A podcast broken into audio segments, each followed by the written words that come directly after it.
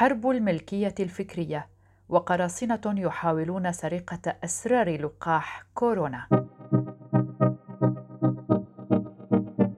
أهلا بكم في حلقة جديدة من بودكاست في عشرين دقيقة تقدمها لكم براء صليبي. ينخرط قراصنة ترعاهم دول مثل الصين وروسيا وإيران وكوريا الشمالية في محاولات منسقة لسرقة أسرار لقاح فيروس كورونا فيما وصفه خبراء الأمن بحرب الملكية الفكرية. واتهم الخبراء قراصنة هذه الدول بمحاولة الحصول على نتائج التجارب في وقت مبكر والاستيلاء على معلومات حساسة حول الإنتاج الضخم للعقاقير في وقت اقتربت فيه مجموعة من اللقاحات من الحصول على الموافقة وبدء طرحها للجمهور. في السابق كان الهدف الأساسي للقراصنة هو سرقة الأسرار وراء تصميم اللقاح مع استهداف مئات من شركات الأدوية ومختبرات الأبحاث والمنظمات الصحية من جميع أنحاء العالم وفي أي وقت.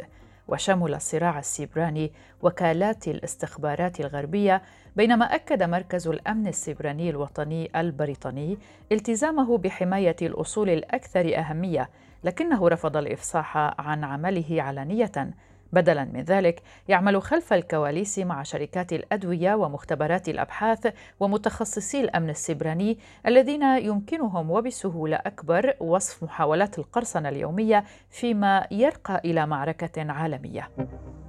وقال آدم مايرز نائب الرئيس الأول في إحدى الشركات المتخصصة في تكنولوجيا المعلومات إن دورا من بين إن دولا من بينها روسيا والصين شاركت في اختراق الشركات والوكالات الغربية على مدار العشرين عاما الماضية. ولكن منذ مارس آذار أصبحت تركز على موضوع واحد في إشارة إلى كوفيد 19 أضاف أن ما تراه هنا هو أحدث مرحلة من حرب الملكية الفكرية طويلة الأمد ولكنها مرحلة يكون فيها الكثير على المحك بالنسبة للمشاركين ولقد أصبح من يمكنه تطوير اللقاحات اولا مصدر فخر وطني. ونفت عدد من الدول بالفعل التورط في القرصنة إذ قالت روسيا إنها ليس لديها علم بمحاولات القرصنة بينما جادلت الصين بأن أبحاث اللقاحات الخاصة بها متقدمة جدا حتى الآن. وليس لديها حاجة لسرقة ما يفعله الآخرون وتنفي إيران دائما الانخراط في أي حرب إلكترونية. يجادل الخبراء في القطاعين الخاص والعام قائلين إن مجموعات القراصنة التي ترعاها الدول عادة ما تكون لها روابط بالتجسس أو وكالات الدفاع. وهذا العام قال المركز الوطني للأمن السبراني في المملكة المتحدة إن مختبرات أبحاث لقاح كورونا كانت مستهدفة في المملكة المتحدة والولايات المتحدة وكندا من قبل قراصنة كوزيبير الروسيين المرتبطين بوكالة الأمن الداخلي FSB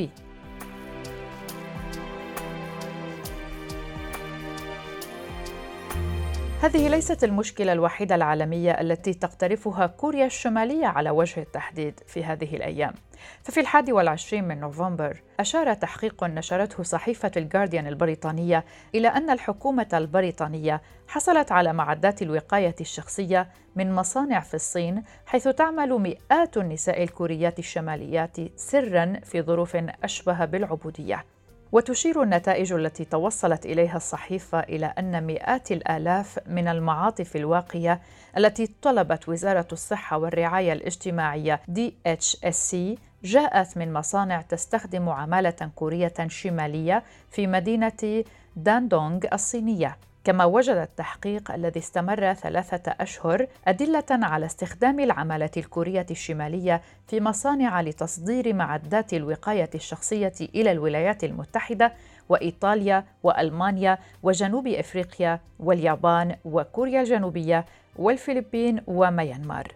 وبحسب التحقيق فإن العمال الكوريين الشماليين في داندونغ ومعظمهم من النساء يعملون لمدة تصل إلى 18 ساعة في اليوم مع إجازة قصيرة أو بدون إجازة وهم تحت المراقبة المستمرة ولا يمكنهم مغادرة المصانع بحرية. تشير المصادر أيضا إلى أن العمال الكوريين الشماليين في مصانع معدات الوقاية الشخصية في داندونغ يتم الاستيلاء على حوالي 70% من أجورهم من قبل دولة كوريا الشمالية. مدير أحد المصانع قال إن العمال ليس لديهم أيام عطلة لا يسمح لهم بالخروج.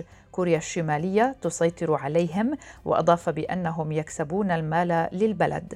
ووصفت الأمم المتحدة تصدير العمال إلى دول أجنبية من قبل نظام كوريا الشمالية بأنه عمل قسري ترعاه الدولة والذي تم تعريفه على أنه شكل من أشكال العبودية الحديثة من قبل منظمة العمل الدولية.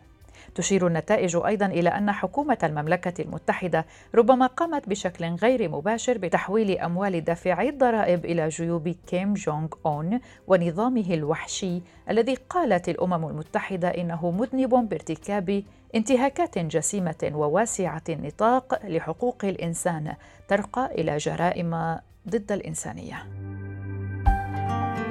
وينتهك استخدام العمال الكوريين الشماليين في الصين عقوبات الأمم المتحدة التي تم وضعها لقطع الدخل الذي تجنيه كوريا الشمالية من عمالها في الخارج ومصالح الأعمال الأجنبية الأخرى. فأحد الأهداف الواضحة للعقوبات هو وقف استخدام عائدات الصادرات الأجنبية لدعم برامج النظام النووية والصواريخ البالستية المحظورة، حيث تحظر العقوبات الأمريكية أيضاً استيراد أي سلع إلى الولايات المتحدة مصنعة كلياً أو جزئياً من قبل الكوريين الشماليين. واجهت الحكومة البريطانية أيضا انتقادات متزايدة بسبب افتقارها للشفافية والمساءلة في منح صفقات بمليار الجنيهات من معدات الحماية الشخصية باستخدام لوائح تسمح بإرساء العقود بشكل مباشر ودون مناقصات تنافسية في حالات الاستعجال القصوى. وقال فيل بلومر مدير مركز موارد الأعمال وحقوق الإنسان إن هذا النقص في العناية الواجبة يكشف حقيقة أنه بعيدا عن معالجة العبودية الحديثة بشكل فعال فإن سياسات الحكومة تسمح بالاستغلال الفظيع للعمال. وتشير الأدلة إلى أن شحنة ملابس الوقاية الشخصية الواقية المرتبطة بالعمالة الكورية الشمالية كانت جزءا من عقد منحته وزارة الأمن الداخلي إلى إحدى الشركات وهي شركة تصميم تجارية مسجلة في المملكة المتحدة والتي أنشأت عملية شراء معدات الوقاية الشخصية وهي الآن واحدة من أكبر مقاولي المملكة المتحدة لشراء معدات الوقاية الشخصية. ووفقا للوثائق التي اطلعت عليها صحيفة الجارديان تم تمرير الطلب بعد ذلك من خلال شركة تجارية صينية قبل أن يتم التعاقد من الباطن مع شركة مصنع ملابس كبيرة في داندونغ والتي تشارك بعض طلباتها مع مصنع فرعي. يبدو أن كلا المصنعين يستخدمان عمالا من كوريا الشمالية. ولا يوجد ما يشير إلى أن DHSC أو Unispace Global LTD على علم بأن العمالة الكورية الشمالية يمكن أن تكون موجودة في سلاسل التوريد الخاصة بمعدات الحماية الشخصية. ولا تمثل الشحنة إلى المملكة المتحدة سوى جزءا بسيطا من هذه المعدات معدات الوقاية الشخصية التي تصنعها المصانع في داندونغ والتي يبدو أنها تستخدم عمالا كوريين شماليين. في أبريل من هذا العام هبط 200 ألف من المعاطف المعقمة في إيطاليا في صناديق تحمل العلامة التجارية المميزة لداندونغ هوايونغ حيث أعلن موزع في جنوب إفريقيا عن مليوني بدلة واقية من نفس الشركة وتم العثور على طلبات أصغر في الولايات المتحدة وألمانيا وكوريا الجنوبية واليابان. ووجدت صحيفة الجارديان أن مصنعين آخرين في داندونغ يعتقد أنهما يستخدمان عمالا كوريين شماليين قد صنعوا معدات الوقاية الشخصية للعملاء في الولايات المتحدة والفلبين وتقع المصانع شمال شرق الصين والتي تشكل الحدود مع كوريا الشمالية حيث كان مصنعو الملابس في دانغدونغ يجلبون العمال من الدولة الشمولية لسنوات. ومع انتشار وباء كورونا في جميع أنحاء العالم في بداية العام بدأ مصنعو الملابس في داندونغ بسرعة في تحويل خطوط إنتاجهم من الملابس إلى العباءات العازلة والمعاطف الورقية حيث سجلت 14 شركة في داندونغ منتجات معدات الوقاية الطبية لدى إدارة الغذاء والدواء الأمريكية في عام 2020 فيما تم تنسيق ودعم محور معدات الوقاية الشخصية من قبل الحكومة المحلية وحكومة المقاطعة وفقا للوثائق والتقارير على مواقع الحكومة والشركات. وأصبحت دان دونغ مركزا عالميا لإنتاج العباءات والمعاطف لأن لديهم بالفعل عمالة كورية شمالية رخيصة حيث قال سونغ جاي كيم وهو مؤلف كوري جنوبي. قال إن إنتاج الملابس الجاهزة يتطلب عمالة كثيفة لذا يمكن إنتاجه في داندونغ بأقل تكلفة وأعلى ربح.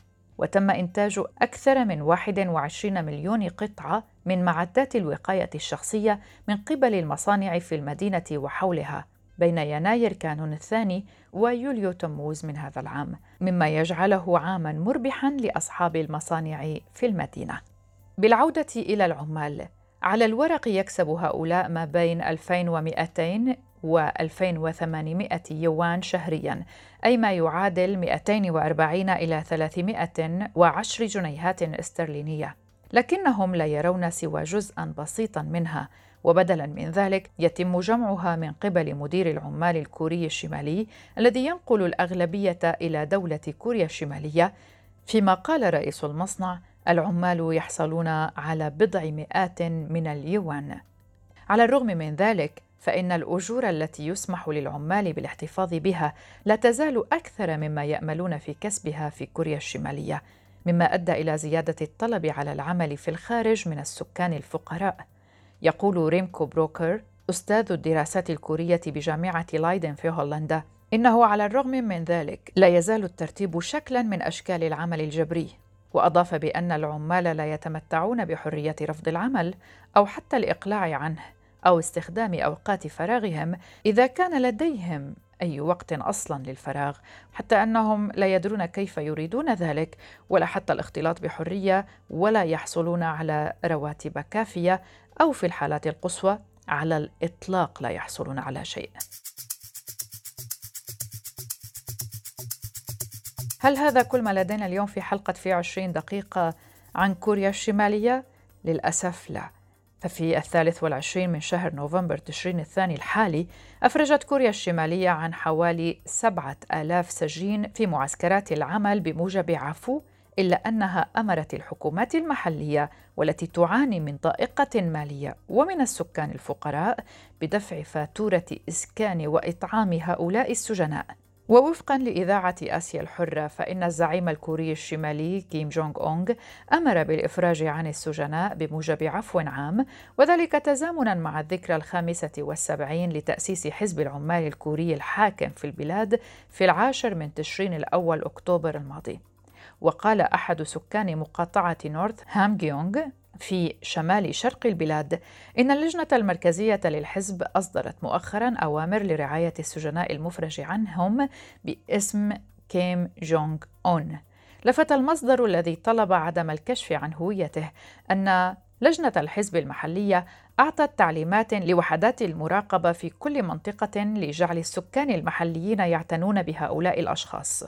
ويعاني الأشخاص الذين يتم إرسالهم إلى معسكرات العمل في كوريا الشمالية من ظروف قاسية أثناء سجنهم حيث يتدنى مستوى التغذية بشكل كبير وتتفشى الأمراض بين السجناء الذين يعملون لساعات طويلة. كذلك فإن اتصال السجناء بالعالم الخارجي بما في ذلك مع عائلاتهم مقيد في معظم الحالات. وبعد فترة سجن طويلة أصبح السجناء المفرج عنهم مؤخرا مشردين لا صلة لهم بباقي المجتمع. لقد عاد هؤلاء السجناء إذا إلى المجتمع لكن من المعروف أن معظمهم ليس لديهم مكان للعيش فيه أو أي طعام يأكلونه. لذا فهم يتجولون لطلب المساعدة.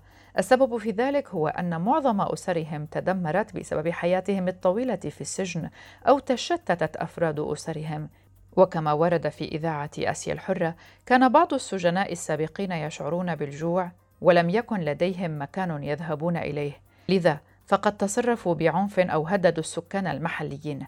ولذا أمرت اللجنة المركزية بتحمل مسؤولية هؤلاء السجناء المفرج عنهم في كل منطقة. وقدر المصدر أن حوالي 25 معسكرا جرى إطلاق سراح السجناء منهم ليصل مجموعهم إلى سبعة آلاف. من جهته قال مصدر آخر وهو أحد سكان مقاطعة بيونغان الشمالية في شمال غرب البلاد قال إن الأمر برعاية السجناء المفرج عنهم يثير غضب الناس هناك. وأضاف بأن السكان يحتجون على هذا القرار ويرون بأنه إذا كانت المكرومة العظمى هي منحهم هذا العفو فعلى الدولة أن تتحمل باقي مسؤولياتها لكنها فقط تنقل العبء إلى المواطنين. وتابع أن هناك عفو عام مرات عديدة من قبل لكن هذه المرة هي المرة الأولى في حياتهم التي يرون فيها أوامر للمكاتب المحلية برعاية السجناء المفرج عنهم. الناس يشعرون بالاستياء لأنهم يدركون أن المكاتب المحلية ستنقل العبء إليهم في النهاية.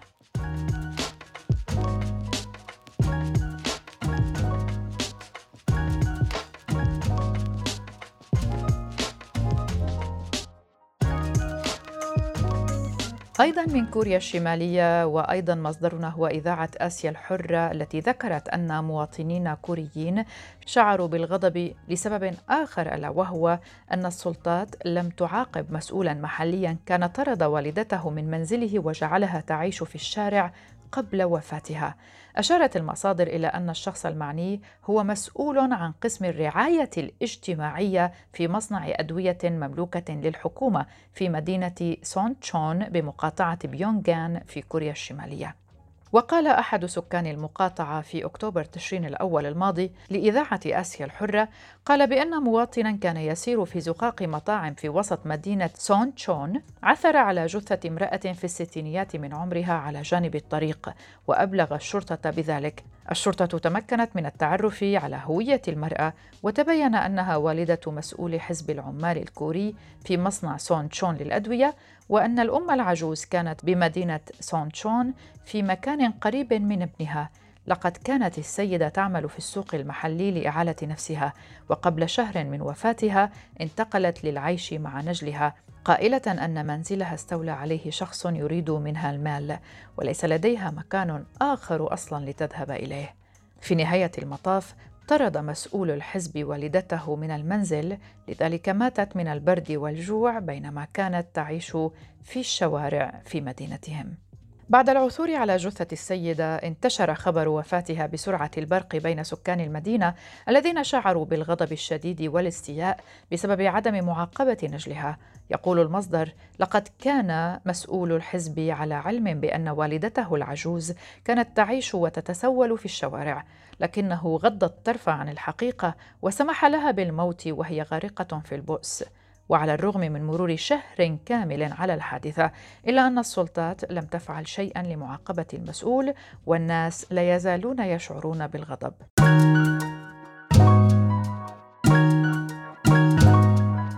أخبار أخرى تحدثت عن أن تلك السيدة كانت تعيش بمفردها من دون قلق حتى ربيع هذا العام أي في مايو أيار. حيث جاءت ابنتها التي تزوجت وانتقلت إلى منطقة أخرى إلى منزل والدتها قائلة لها أنه من الصعب العيش في مكان سكنها بسبب تأثير فيروس كورونا. كانت ابنة السيدة دخلت في الديون أثناء محاولتها القيام بأعمال تجارية في المنطقة التي تعيش فيها. يقول أيضا المصدر لقد أقامت ابنة المرأة العجوز المتوفاة في منزل والدتها لمدة شهر لكنها ذات يوم وعندما كانت والدتها تعمل في السوق المحلي قامت الابنة ببيع منزل أمها إلى سمسار وأخذت المال وتوارت عن الأنظار. وبعدما خسرت السيدة العجوز منزلها ذهبت إلى ابنها طالبة المساعدة وطلبت منه السماح لها بالعيش في منزله ولو لفترة من الوقت. بعد ذلك طرد مسؤول الحزب وزوجته التي تعمل معلمة. طردوا السيدة من المنزل علما أنهما ألقيا باللوم عليها لأنها سمحت لأخته بالبقاء في بيتها. وقالا إنه يجب عليها أن تذهب إلى الأخت التي باعت المنزل لحل المشكلة. وإزاء ذلك فإن المسؤول هذا يتعرض للانتقادات بشدة من قبل السكان وهم يطالبون بمحاسبته على ما قام به.